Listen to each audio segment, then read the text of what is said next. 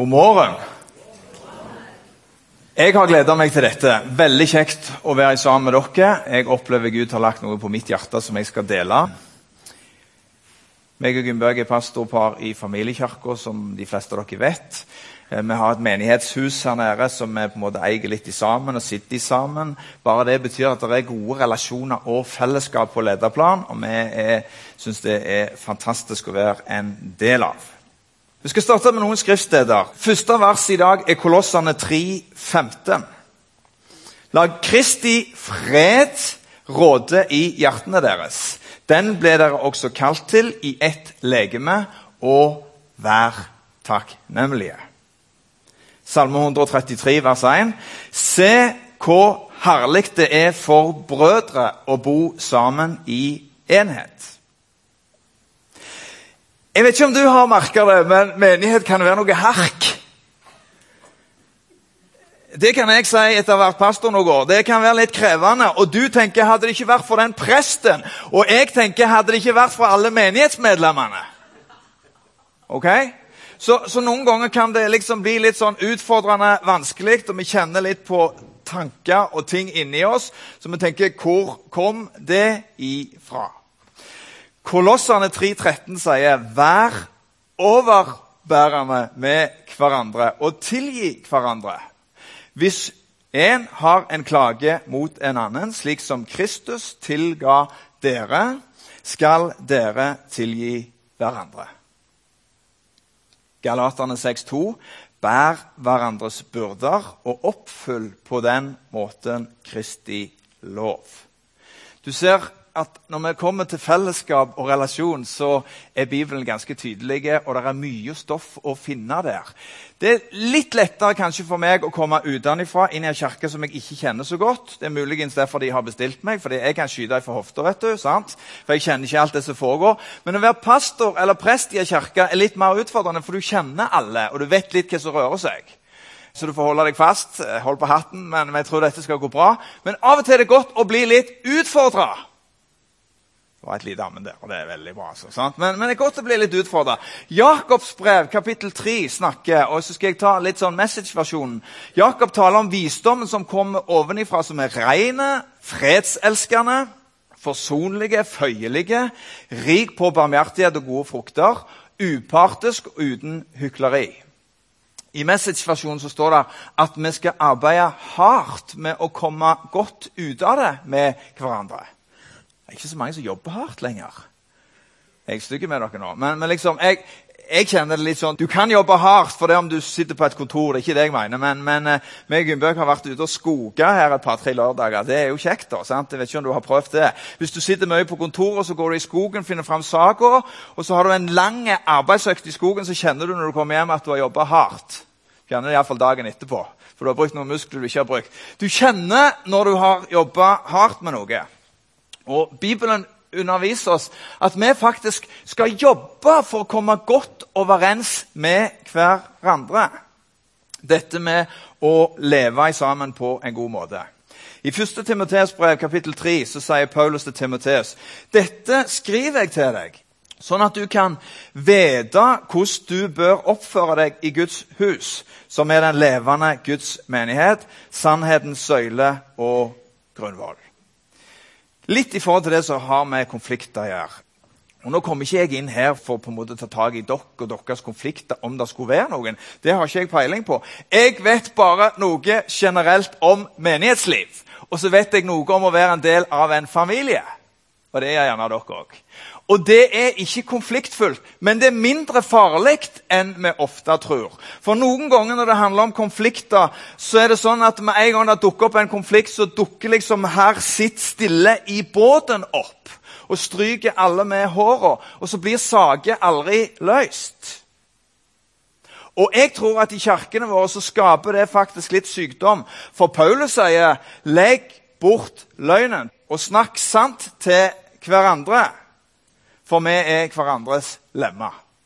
Så det betyr at det snakker sant med hverandre jeg mener, Hvis vi hadde tatt en dukk inn i deres familie en mandagsmorgen, og alt står på hodet, så skjer det ting der som ikke du ville spilt ut på denne scenen, vil jeg tro.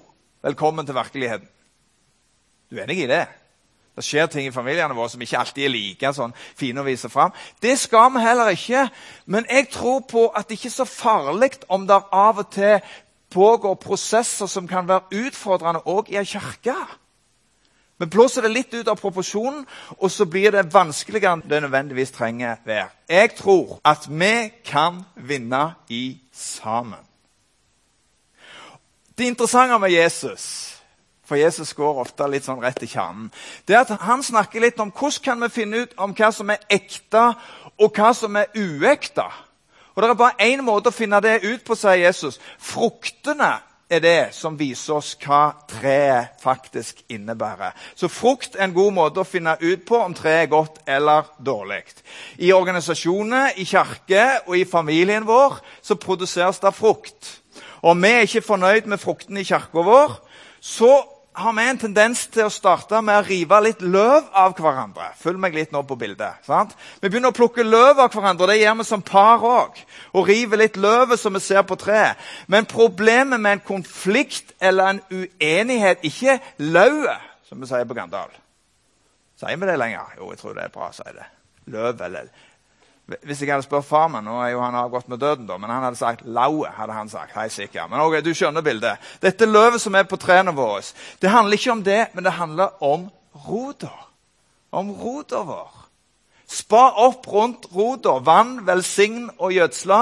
Eller det kan oversettes med utvis raushet og kjærlighet. Og Det er på den måten Bibelen sier at ting kan helbredes og igjen gi god frukt. Nå jobber jeg òg litt som familieterapeut utenom den rollen som jeg har som pastor i kirka. Og det jeg ser hele tiden jeg sitter og prater med par som sliter med livet, det er at hvis ikke begge vinner, så taper begge. Noen ganger blir konflikter litt sånn at vi tenker at ja, men jeg må vinne og unngå å tape. Men sannheten er det at hvis ikke begge vinner, så taper begge.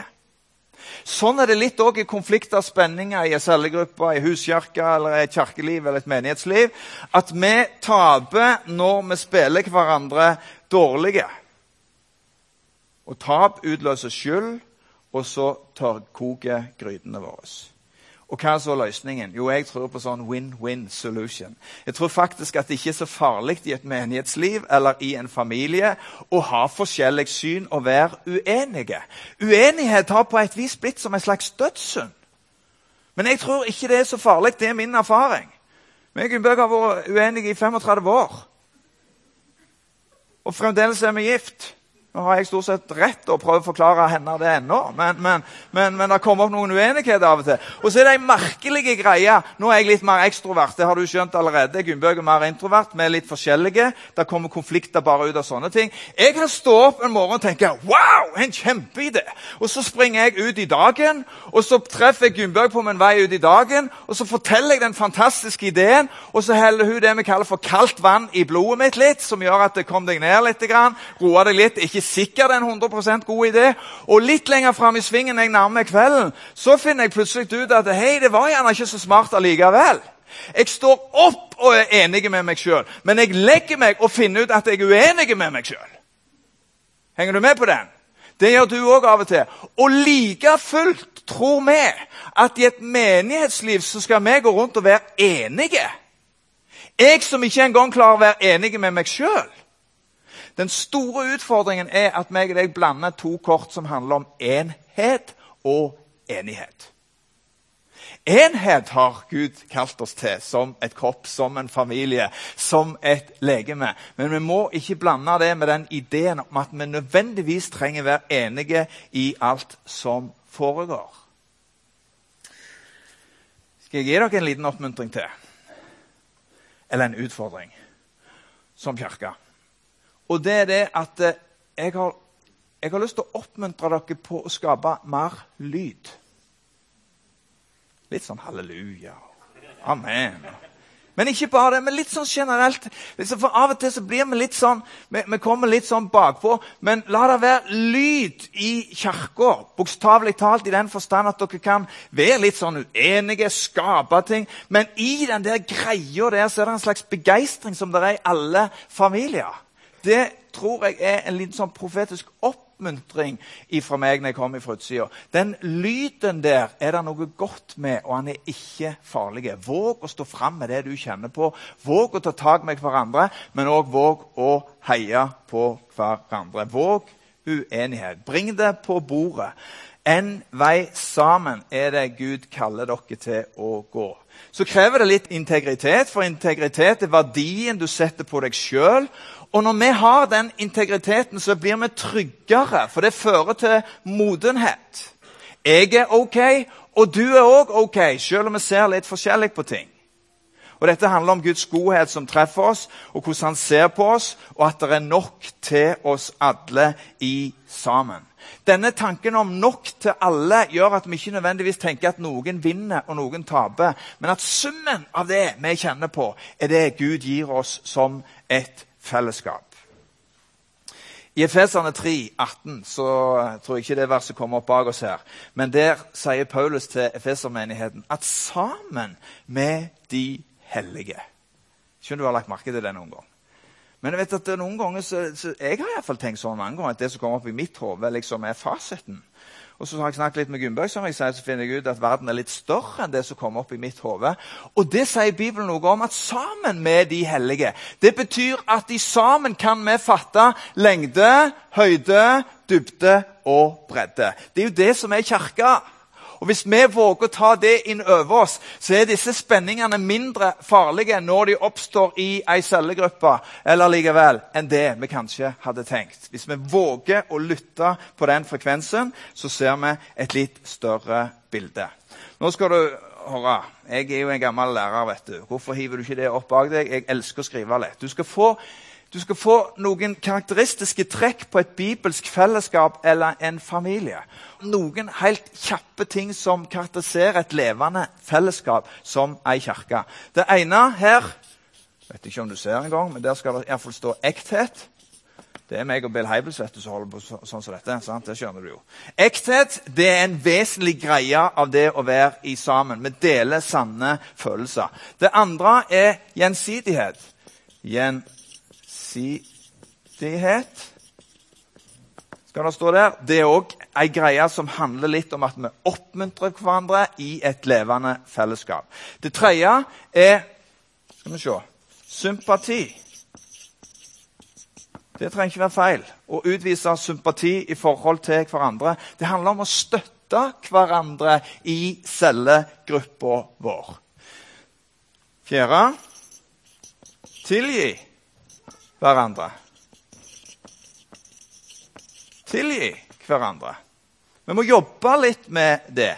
Men det handler litt om nådeaspektet i forhold til det å leve liv i sammen. Vi må tale sant i kjærlighet, og det kan vi like godt oversettes med ærlighet. Ærlighet er en sånn en valør som er viktig å ha med seg. Ydmykhet ydmykhet. Ydmykhet handler om at vi faktisk våger å innrømme våre svakheter. Det fungerer i familien, men det fungerer òg i kirka vår. Respekt eller høflighet. Høflighet. At vi er høflige overfor hverandre, det handler om at vi respekterer våre forskjeller. Fortrolighet er det andre siste. Jeg tror jeg skal få plass til alle her. Fortrolighet skal det stå der. Fortrolighet handler om at vi ikke baktaler eller sladrer. Og dette med det siste punktet, at vi faktisk prioriterer Jeg klarer ikke du å se engang, men jeg sier det til deg. At vi prioriterer å være sammen prioritere gruppa og prioritere fellesskapet. I løpet av noen år har jeg sett hvordan det fungerer. I vår egen kirke, men litt likevel òg når vi er rundt. Det er ganger der du tenker at jeg liksom orker ikke å være en del av denne familien. Så ofte jeg gjør det, da. Men, men, jeg mener, altså du kjenner liksom, det er bare wow. Og så tenker en gresset er grønnere. Og så kan det dras med òg inn i våre menighetsfellesskap, inn i huskirkene våre. Men de folka som er plassert der, er plassert der for din del. Vi blir utfordra på hverandre. Men hvis vi velger å stå i den smerten, så helbreder Gud oss. Og vi blir ført helere gjennom sånne prosesser. Det verste vi kan gjøre, det er å begynne å flykte fra de litt utfordrende prosessene istedenfor å våge å prate med hverandre om dem. Vi blir rotløse likevel. Hvordan kan vi da gjenopprette disse brutte fellesskapene? I Matteus 5,9 og det får du gjerne på veggen bak her. Så sier Jesus at salige er de som stifter fred, for de er Guds barn. Salige er de som stifter fred, for de er Guds barn. I Message står det at du er velsigna når du viser mennesker hvordan de kan samarbeide istedenfor konkurranse og strid. Det er da du oppdager hvem du virkelig er, og din plass i Guds familie. Det er altså ikke nok å bare elske fred eller være fredelige eller å unngå konflikt. Men det å stifte fred innebærer at vi aktivt på en måte oppsøker å løse konflikter i familiene våre først og fremst, men òg i kirkene våre. At vi aktivt tar initiativ. Vi var på kino her, og den har jeg skrøtt av til mange meg og Gunnberg for halvannen uke siden, og så den filmen 'Selma' med dr. Martin Luther King. Er noen som har sett den? Det var en utrolig bra film. Hvis noen skal ha litt kjøtt på det jeg snakker om nå med relasjoner, våge å stå opp når det er konflikter, skal du gå og få med deg den filmen som går på kino nå og i påsken. Det er en veldig bra eksempel på det jeg snakker om nå. Den gir litt kjøtt på akkurat det. Paulus står jo fram til korintermenigheten. og det var han, jeg, jeg, mener av og til, Hvis du skal trøste deg sjøl, for det gjør jeg av og til Jeg er jo pastor i familiekirka og tenker kjære tid, vil jeg gått her sjøl? Skjønner du har tenkt sånn noen gang? Altså Hvis jeg ikke var prest og ansatt her, ville jeg vært en del av denne kirka sjøl? Det kan være et bra spørsmål å stille seg. Mm -hmm. Men noen ganger er fellesskapet litt sånn utfordrende og vanskelige. Men vi går noen prosesser med hverandre. Men har du lest Paulus sitt brev til korinterne noen gang. Det har du helt sikkert. Jeg mener, Når du leser karakteristikken av korintermenigheten, så tenker jeg bymenigheten it's heaven. Jeg mener, Les boka sjøl, så vil du forstå at det var ikke så gale eh, allikevel. Sant? Og det har trøsta meg noen ganger. Paulus går til korinterne, og så sier han i første kor 6-5 at det er jo helt utrolig. Jeg er sjokkert, sier Paulus over tilstanden som er her. At dere holder på å dra hverandre inn for rettsvesenet. Fins det ingen i denne kirka som kan stå opp og dømme mellom brødre? Det var liksom tilstanden i Korint. Det betyr altså at Paulus oppmuntrer oss til å prate i sammen, selv om ting kan være utfordrende og tidvis vanskelige. Okay. Det er sju skritt, og så skal du få de. Så skal vi lande her etter hvert. Det er sju skritt som jeg har lyst til å bare enkelt gå igjennom, som kan hjelpe deg i din familie eller i cellegruppa di eller i andre relasjoner, eller òg i kirka, som er utrolig bra å ha. For du kan legge det litt som en blåkopi over ei oppskrift på hvordan du skal håndtere konflikter når du er der, eller unngå å komme i dem. Så dette kan hjelpe deg og kjerringa di òg, for å si det sånn. Okay? Du er med på den? Har du kommet på dette sjøl? Nei, jeg har stjålet alt sammen. For det gjør du òg. Men av og til er vi veldig gode å presentere det som om det er vårt eget. Men det som kommer nå, det er det noen andre smarte som har kommet på. Men det meste av det meg og deg benytter i vår hverdag, er det allerede noen andre som har tenkt ut. Så jeg skjemmes ikke over det. Første punktet. Snakk med Gud før du snakker med personen. Det tror jeg er bra. Du kan be over det i stedet for å snakke om det. Og Gud taler faktisk til deg om kanskje å forandre ting i ditt eget hjerte før du går. Litt verre for sånne ekstroverte personligheter. Gunnberg gjør det som en naturlig del av sin væremåte, så hun stopper opp og bremser litt først. Hun er sånn at hun har tenkt ut nøyaktig hva hun skal si før hun sier det. Jeg finner ut hva jeg mener mens jeg snakker. Skjønner du? Så vi er litt forskjellig motivert her. Men for oss ekstroverte den syns jeg var veldig morsom, men det var bare to stykker som lo. Jeg fatter ikke det, altså. Men ok, For oss ekstroverte personligheter så er vi litt sånn mer ut. For oss gjelder dette spesielt. Det kan være bra å snakke med Gud før du på en måte finner ut jeg har løsningen, og reka, så sprenger du med den. sant? Be litt over det. Noen kommer til meg og sier 'Pastor, kan du be for meg?' Jeg sier 'Be sjøl, din latans'. Altså det, ja, jeg mener det litt. sant? De kommer til oss og skal ha løsninger på alt mulig. Ringer meg klokka tre på natta. Da skal det være krise. Det holder ikke. Du kan be sjøl. Det er et bra tips. Be, for den som ber, han får svar. Og Det betyr at hvis du ber først, så får du svar, og det kan hjelpe deg før du springer til den personen. Jakob 4, 1-2. Hvor kommer krigene og stridighetene blant dere fra? Dere begjærer og har ikke fordi dere ikke ber. Smart sagt. Punkt nummer to. Ta initiativet. Hvis du er i en situasjon der det har låst seg i familie eller i relasjon til noen i kirka, så ta et initiativ. Ta initiativet. Jesus oppfordrer og nær befaler oss å gjøre det. Derfor, hvis du kommer med din gave, og du der kommer på at din bror har noe imot deg, så lar du gaven ligge foran alteret og går derfra. Bli først forlikt med din bror, kom så og bær fram din gave. Matteus 5. Derfor så tror jeg på fredskonferanser. Jeg tror det er bra å ha en fredskonferanse med en gang. Når det gjelder konflikter Hør nå hva jeg sier. Dette vet jeg noe om som ektemann, men òg som familieterapeut. Tida leger ingenting når det kommer til konflikter. Det forverrer seg. Du tror det går over med å grave hodet ned, men det blir stort sett verre og mer fastlåst. Derfor planlegg en fredskonferanse med en gang. Punkt nummer tre vær medfølende. Bruk ørene mer enn munnen. Så snakker jeg òg til meg sjøl. Tenk ikke bare på deres eget beste, men òg på de andre. Filippane 2,4. Du skal få et lite tips av meg i forhold til kona di. For noen ganger så kommer vi som menn bare med faktaløsninger. Vet ikke om du har vært det. Men det er mange ganger jeg ikke forstår litt sånn damer generelt, da, kan du si. Sant? For vi er litt annerledes skrudd sammen. Men liksom det kommer, du tar tak i noe og tenker ja, hun kommer med et problem, skal du prøve å løse det for henne. Sant? Og jeg setter meg ned. Må du høre her, kona? Må du høre her, Gubbøy? Men så er det, liksom, det er bare et nøste.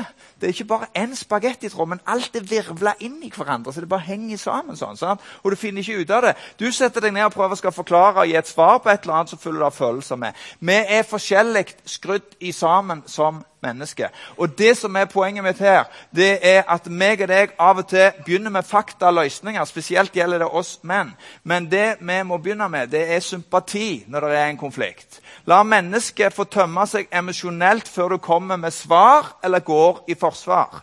Bekreft at du forstår, selv om du ikke er enig. Det kan du faktisk gjøre. For vi blir irrasjonelle når vi blir såra. Og Hvis du leser i Bibelen om det, så kan du se David beskriver det i Salme 73 at han ble som et dyr. Det stakk meg i mitt indre. Jeg var dum og forsto ingenting. Jeg var som et dyr overfor deg, for at bitterheten hadde begynt å få rot i hans liv.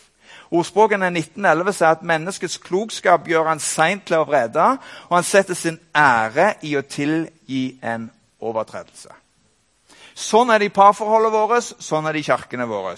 Folk bryr seg ikke om hva du vet, før de vet at du faktisk bryr deg om de. Punkt fire. Bekjenn din del av konflikten.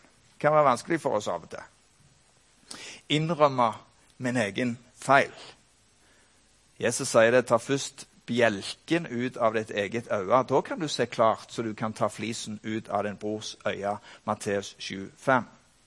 Noen ganger trenger vi kanskje til med hjelp til å avdekke litt blindflekker i livet vårt. Det kan være at du trenger en samarbeidspartner eller en coach eller noen du kan gå og prate med. Det er en god ting for å hjelpe å speile oss sjøl. Fordi vi utvikler nemlig sånne blind spot. Vi ser ikke alltid disse trekkene som fordrer til at det blir vanskelig i forhold til en konflikt. Og Da kan det være bra å trekke noen som kan få speile oss litt. Det er ikke så farlig som du tror. Jeg tror på at det å bekjenne en del av konflikten er faktisk en veldig bra vei å gå. Punkt fem, så er vi snart i mål. Angrip problemet, ikke personen. Du kan aldri løse problemet hvis du er opptatt av å finne ut av hvem som er skyld i det. Dette handler om parforhold, men det handler også om det som skjer i kirkene våre. Vi klarer ikke å løse problemet hvis vi bare er opptatt av hvem som har skyld. Ikke noe tenkt sånn noen gang. Men Salomo sier at milde svar vender harmen bort, mens et såra ord vekker vrede. Sinne tar oss ingen steder. Vi må velge ord med klokskap. Milde svar er alltid bedre enn ironiske svar. Og det er minst like viktig hvordan du sier det, enn hva du faktisk sier i en konflikt. Vi har hatt ansvar for å destruere ødeleggende våpen i familiene våre. Våpen som fordømmelse, nedverdigelse, dårlige sammenligninger, stempling, fornærmelser, forakt og ironi. Neste gang teller du til sju når du kommer opp i den situasjonen. For noen av dere har det gående i deres familier der dere plutselig bare blir tatt av det samme været. Og så bare øker dere innsatsen, skjenner mer, hyler mer for å få noen til å stoppe. Men du må skifte det ut med helt andre verktøy for å få andre resultater. Sånn er det òg i kirkene våre. Det er viktig at vi stopper ironien, fordi du vet nøyaktig hva du skal trykke på for å få han til å tenne og bli piste og gå og legge seg. Du vet at Hvis den setningen kommer nå, så er det det som skal skje. Det er akkurat de tingene jeg utfordrer deg på å telle til tid på og legge vekk for at du skal dempe konflikten som ellers oppstår. Vi har et ansvar for akkurat det. Du kan få med deg et bibelvers òg der. Efeserne 4,29. La ikke et eneste råttent ord komme ut fra deres munn, men bare ord som er gode, nødvendige til oppbyggelse, for at ordet kan gi nåde til de som hører på. To siste. Nummer seks nå samarbeid mest mulig. Hvis det er mulig, så langt det står til dere, skal dere leve fredelig med alle mennesker. Romane 12, 18. Fred har noen ganger kosta vår stolthet. Jeg kan bare ta meg Gunnbjørg som et eksempel, som er forskjellige. Men hvordan vi på en måte bare har gått en reise her. Og jeg er så enormt takknemlig for akkurat den reisen. For at midt i forskjellighetene våre så har vi klart å anerkjenne, løfte hverandre opp, se ting fra et annet perspektiv. Noen ganger handler det bare om å finne fram det der kommunikasjonsbordet. Så kaster Gunnbjørg opp ting, og hun ser ting dramatisk annerledes. og Jeg blir provosert av det, for jeg skjønner ikke den verden. Men jeg har lært meg mer og mer at den verden har en verdi. Og Det burde vi gjort i kirkene våre òg. Istedenfor blir vi trua og tenker at det som kommer opp på bordet nå, klarer ikke jeg forholde meg til. For det er jeg som sitter med virkelighetsbildene våre. Har dere sett den der kjekke dama? Unge damer og gamle damer. Vi hever den opp for deg her. Noen som har sett den? sant? Hva ser du? Det handler om at meg og deg må av og til skifte ut brillene våre. Sette oss litt bakpå og spørre tenk hvis jeg tar på meg noen andre briller og får en litt annen valør på det som foregår nå. Så blir verden litt heilere, men da må vi være trygge nok på oss sjøl i kirkene våre til å våge å slippe det mangfoldet til. Og alt folket sa jippi. Siste punktet. Legg vekt på forsoningen, ikke på løsningen. Det er kanskje det viktigste når vi holder på med konflikter. Hvordan vi skal leve fredelig med hverandre. Hvordan vi skal få det til i kirkene våre, i relasjonene våre. Legg vekt på forsoningen mer enn løsningen. Vi blir så ekstremt løsningsorienterte. Har du merka det? Løsning kommer som et resultat av forsoning, og ikke motsatt. Det er akkurat det samme som valg kommer først før følelser. Det er den store utfordringen i vår sekulære tid. At folk velger ut ifra følelseslivet sitt. Og så sier ja, jeg kjenner det mye bedre der, så hopper jeg over jeg holdt på å si, til naboen. Og Når du befinner deg der, sånn, så våkner du av rusen og finner ut dette var jo skrekkelig mye verre enn det jeg stakk ifra. Fordi at folk tar på en måte bestemmelse ut fra følelseslivet sitt mer enn ut fra distinkte valg. Og Det er derfor jeg snakker litt om valgene i dag, som er så viktige. For følelser er en god ting, men de skal følge valgene dine, og ikke motsatt. Jeg høres sykt autoritær ut i dag, jeg vet det, men sånn er det. Sant? Ok. Alt og alle kan ikke være enige i alt. Det har jeg funnet ut. Og forsoning fokuserer på forholdet, mens løsning fokuserer på problemet. Men det meg er kalt til, det er å fokusere på forholdet. Så kommer løsningen i bare farten. Når du har fokus på forsoning, blir ikke problemet så viktig. Vi kan gjenopprette fellesskap selv om vi ikke er i stand til å løse våre forskjeller. For en diamant ser litt forskjellig ut fra forskjellig ståsted. Og Så kommer det siste verset, og det er Peter som formaner oss. og Han sier, 'Søk fred. Ja, jag etter den.' 1. Peter 3, 11. Vil du bli salige, lykkelige? Vi har bare ett valg, og det er å være en fredsstifter. Det er det Gud har kalt denne kirka til å være. Jeg har bare lyst til å heie på dere. Så kan det være spenninger i familier, spenninger som jeg ikke kjenner til. Men uansett så er det en del av livet. Få det opp på dette rause kommunikasjonsbordet. Følg noen av disse rammene i familien din, så vil det lykkes for deg, og du vil se at Gud heier på deg fordi det er bibelsk fundamentert, og det er ordet som får oss på sporet, og som hjelper oss til å leve hele, gode liv. Amen. Da vil jeg be i bønn med dere. Takk, Jesus. Far, jeg har lyst til å bare takke deg for hver familie som er representert i bymenigheten i dag. Vi vil åpne opp for ditt favør og din nåde, Herre, i livene våre. Jeg ber om at du skal hjelpe oss til å kle av oss maskene våre, alt det som vi prøver å skjule, far, som du ikke er redd fordi du har dødd for alltid sammen. Ved nattverdsbordet i dag så fikk vi legge det av, og vi trenger det for våre liv hver eneste dag. Jeg ber om at du skal hjelpe hver familie til å våge å ta de litt sånn ærlige rundene. Våge å møte hverandre med raushet og forståelse. At ikke alt nødvendigvis må inn i min form og i min fasong, men at vi sammen ser det store bildet. Jeg ber om det for denne kirka. Jeg ber om ei tid av blomstring, Gud. Jeg ber om ei tid der terskelen senkes, der vi slutter å være perfekte men at vi våger å være sårbare midt i konflikter, så er det det kirka handler om. Denne rausheten som gjør at vi bare roper på nåde for byen og for hverandre, og blir en lav terskel til nye mennesker som skal komme til tro.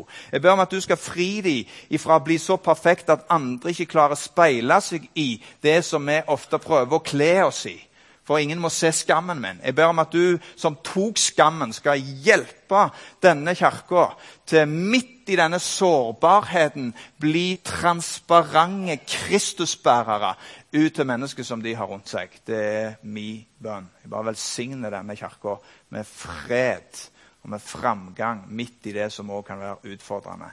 I ditt navn, Jesus. Amen.